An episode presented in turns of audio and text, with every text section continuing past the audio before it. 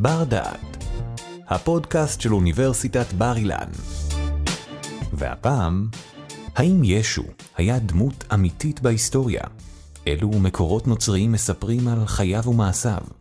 דוקטור דן יפה, מבית הספר ללימודי יסוד ביהדות, מדבר על משמעות המושג נצרות ועל ההשלכות הפוליטיות שלו, הנובעות מדמותו של ישו בעולם. פרק שני בסדרה.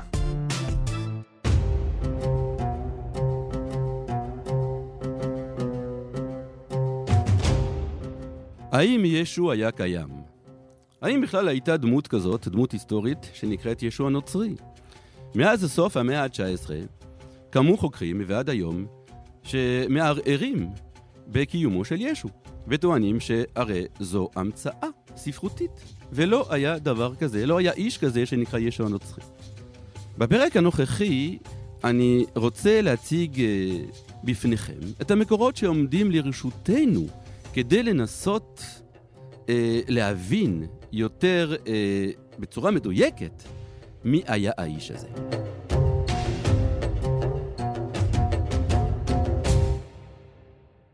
כמובן שהמקורות העיקריים שיש לנו על ישו הם הברית החדשה.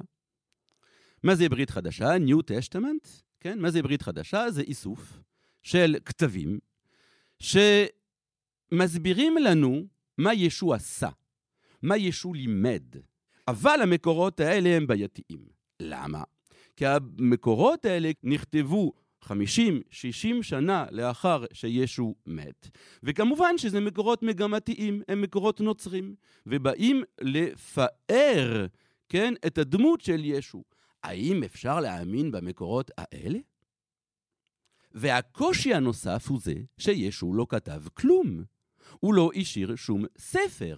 המקורות הנוצרים שנכתבו על, עליו, נכתבו עשרות שנים לאחר צליבתו, לאחר מותו. המקורות האלה של הברית החדשה הם מקורות שניתן לחלק אותם לכמה קבוצות. קבוצה הראשונה הם הבשורות. הבשורות הנוצריות, הבשורה על פי מתי, הבשורה על פי מרקוס, הבשורה על פי לוקאס, הם נקראים המקורות הסינופטיים, כלומר מקורות מקבילים, ומספרים על ישו. הבעיה היא שכשההיסטוריון רוצה לחקור את המקורות האלה, המקורות האלה נכתבו בשנות ה-80, 90, בסוף המאה הראשונה. וישו נצלב על ידי הרומאים בשנות, סוף שנות ה-20. 29, 30.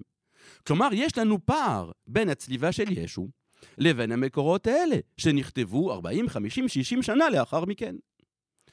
יש לנו מקורות יותר קדומים, וזה המקורות של פאולוס, שעוד נדבר עליהם. מי זה היה פאולוס? פאולוס הוא היה תלמיד, התחיל את הקריירה שלו כרודף את הנוצרים, את המאמינים בישו, ובסופו של דבר זכה בהתגלות ונהיה אוהד, נהיה תומך בישו. הוא כתב מכתבים לכל מיני קהילות, והוא כתב את המכתבים האלה בשנות החמישים. כלומר, עשרים שנה לאחר צליבתו של ישו. זה המקורות הכי קדומים שיש לנו על ישו. אז אמרתי שיש את הבשורות האלה, בשורות נוצריות, זה נקרא זה גוספל באנגלית, כלומר, מתי, לוק, לוקאס, מרקוס, והבשורה המאוחרת ביותר, הבשורה על פי יוחנן, זה החלק הראשון, כן, שנכתבו כולם בסוף המאה הראשונה, תחילת המאה השנייה. מקור השני, הקבוצה השנייה, זה איגרותיו, כלומר מכתבים של פאולוס, ויש לנו גם בברית החדשה עוד כמה דברים, כמו ספר מעשה השליחים, שמספר את uh, uh, תולדותיה של הכת הנוצרית, כלומר, את המאורעות המשמעותיים שבמאה הראשונה, ובסוף יש לנו ספר שנקרא חזון על פי יוחנן.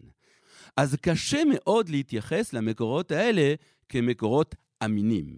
זה לא אומר שאי אפשר ללמוד מהם, אבל זה לא חומר היסטורי מדויק. אבל אם ניקח את כל הספרים האלה, מה אנחנו יודעים על ישו? האם אנחנו יודעים משהו על איך הוא התחנך? האם אנחנו יודעים איפה הוא למד? האם אנחנו יודעים איזה סוג של בן אדם הוא היה? לא. אנחנו לא יודעים את זה. ולמה לא יודעים את זה? כי המקורות האלה לא מספרים לנו. אז אנחנו צריכים לפנות, כן, למקורות האחרים שהם לא נוצרים, כדי לקבל איזושהי תמונה פחות או יותר מגובשת. מה המקורות שעומדים בפנינו?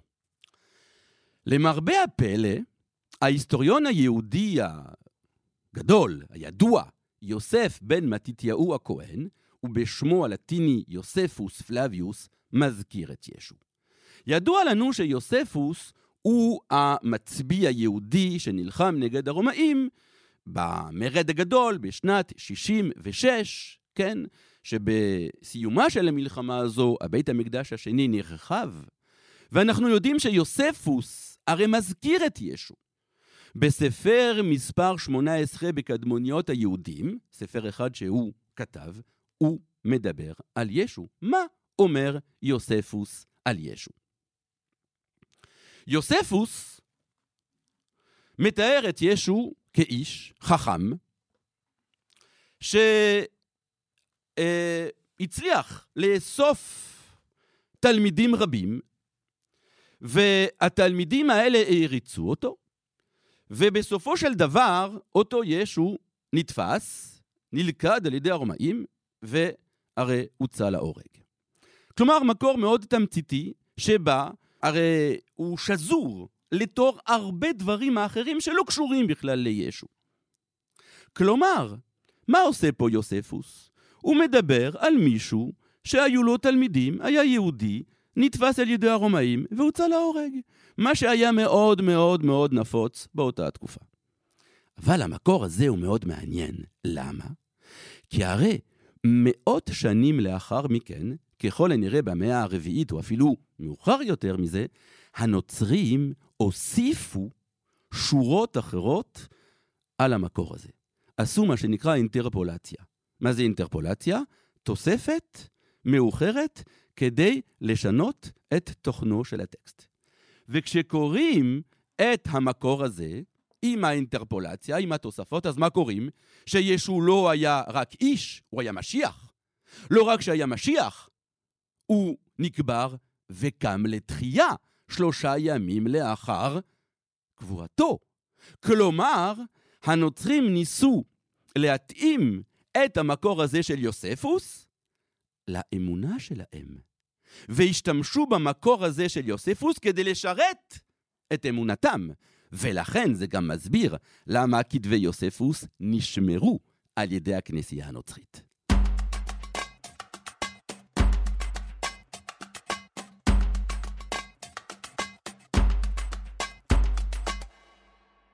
לאיזו מסקנה אנחנו יכולים עכשיו להגיע? מה יש לנו על ישו? בסופו של דבר, יש לנו קורפוס ספרותי דתי שנקרא ברית החדשה, כן? בשורות נוצריות, שנכתבו המקורות האלה בסוף המאה הראשונה, תחילת המאה השנייה, כן, בערך.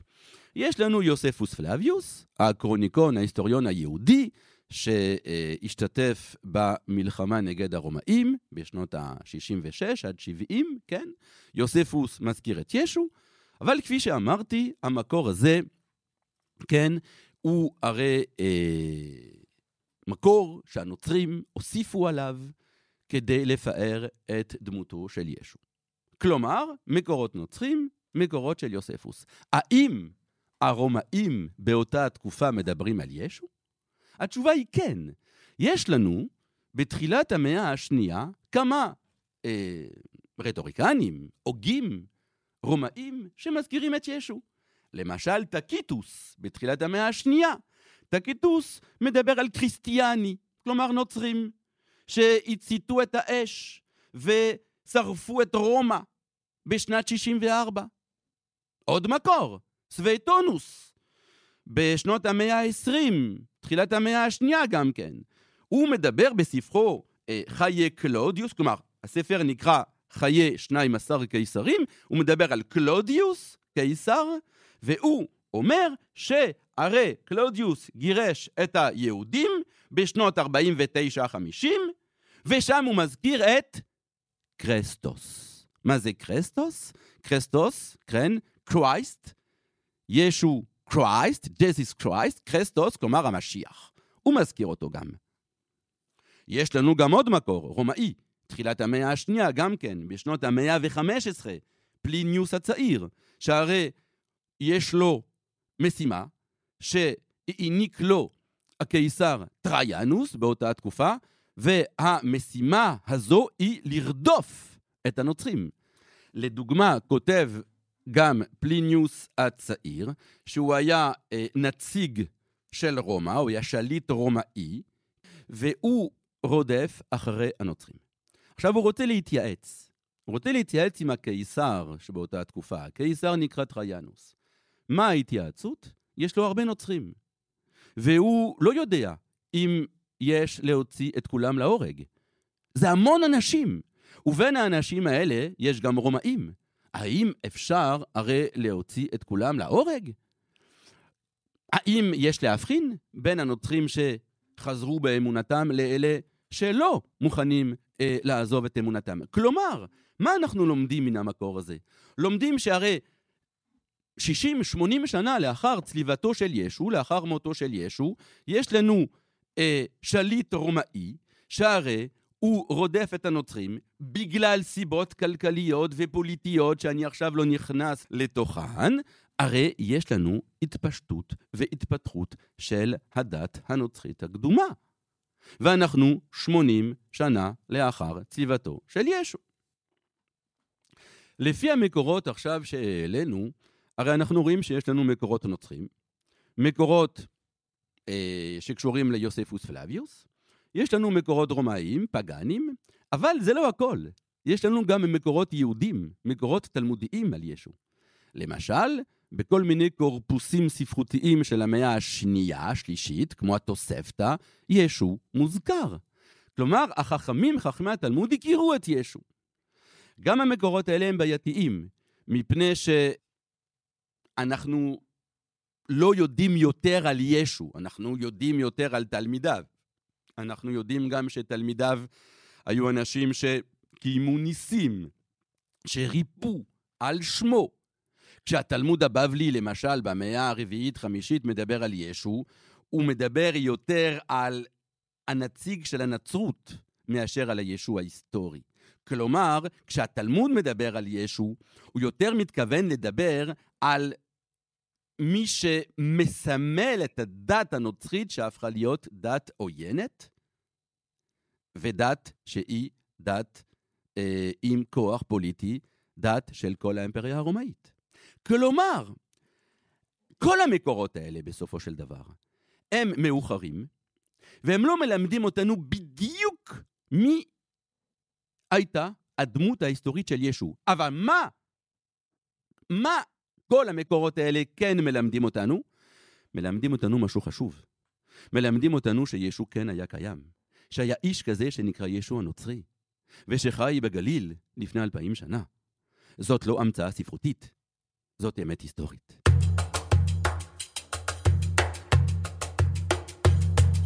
איך הוא נקרא, האיש הזה? כפי שאמרנו כבר בפרק הראשון, הוא נקרא ישועה. ישועה, כן? יהושע, ואת השם הזה אה, מוגה ישועה בגליל שבתקופתו. עכשיו, מה שמעניין הוא זה שאנחנו קוראים לו ישו הנוצרי. מאיפה באה המילה נוצרי? מה זה נוצרי? היום אנחנו מכנים את מאמיני ישו במילה נוצרים. מאיפה באה המילה נוצרים, נוצרי? כן? יש לזה כל מיני אה, הסברים וכל מיני אפשרויות. א', באה מילה מילה נצר. מה זה נצר?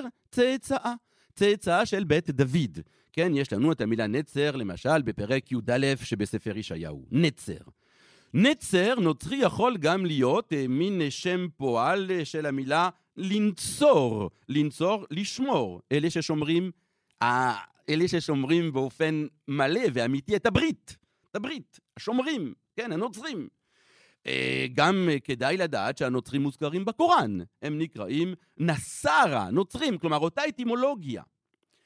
לאיזו מסקנה מגיעים פה?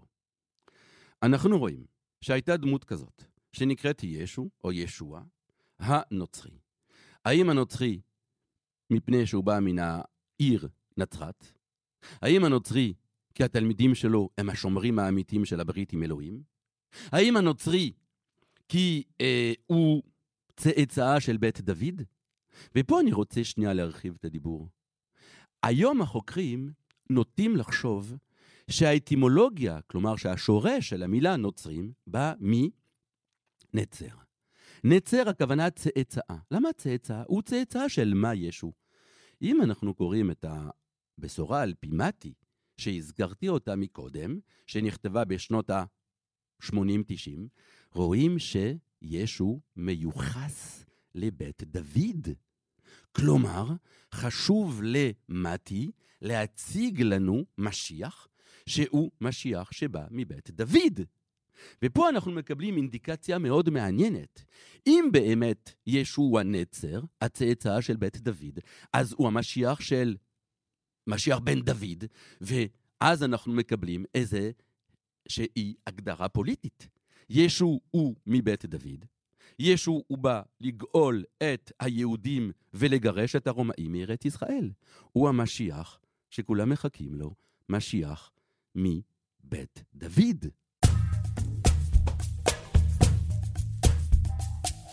היה חשוב למתי, כן, לבשורה על פי מתי, להציג לנו דמות משיחית, שהוא דמות משיחית, כן, שבאה מבית דוד. ישו, על פי מתי, ועל פי רוב היהודים שהאמינו בו בשנות ה-40-50 לאחר צליבתו, הוא אכן היה משיח בן דוד. משיח שיש לו הרי משימה, ייעוד, לגרש את הרומאים מארץ ישראל ולהחזיר את העטרה ליושנה, את מלכות בית דוד בארץ ישראל. הוא המשיח בן דוד. תודה שהאזנתם לבר דעת, אפליקציית הפודקאסטים של בר אילן. אנו מקווים שנהנתם, החכמתם ולמדתם משהו חדש. עוד הרבה פודקאסטים מעניינים מחכים לכם באפליקציה, אז המשיכו להאזין לנו. בר אילן, משפיעים על המחר, היום.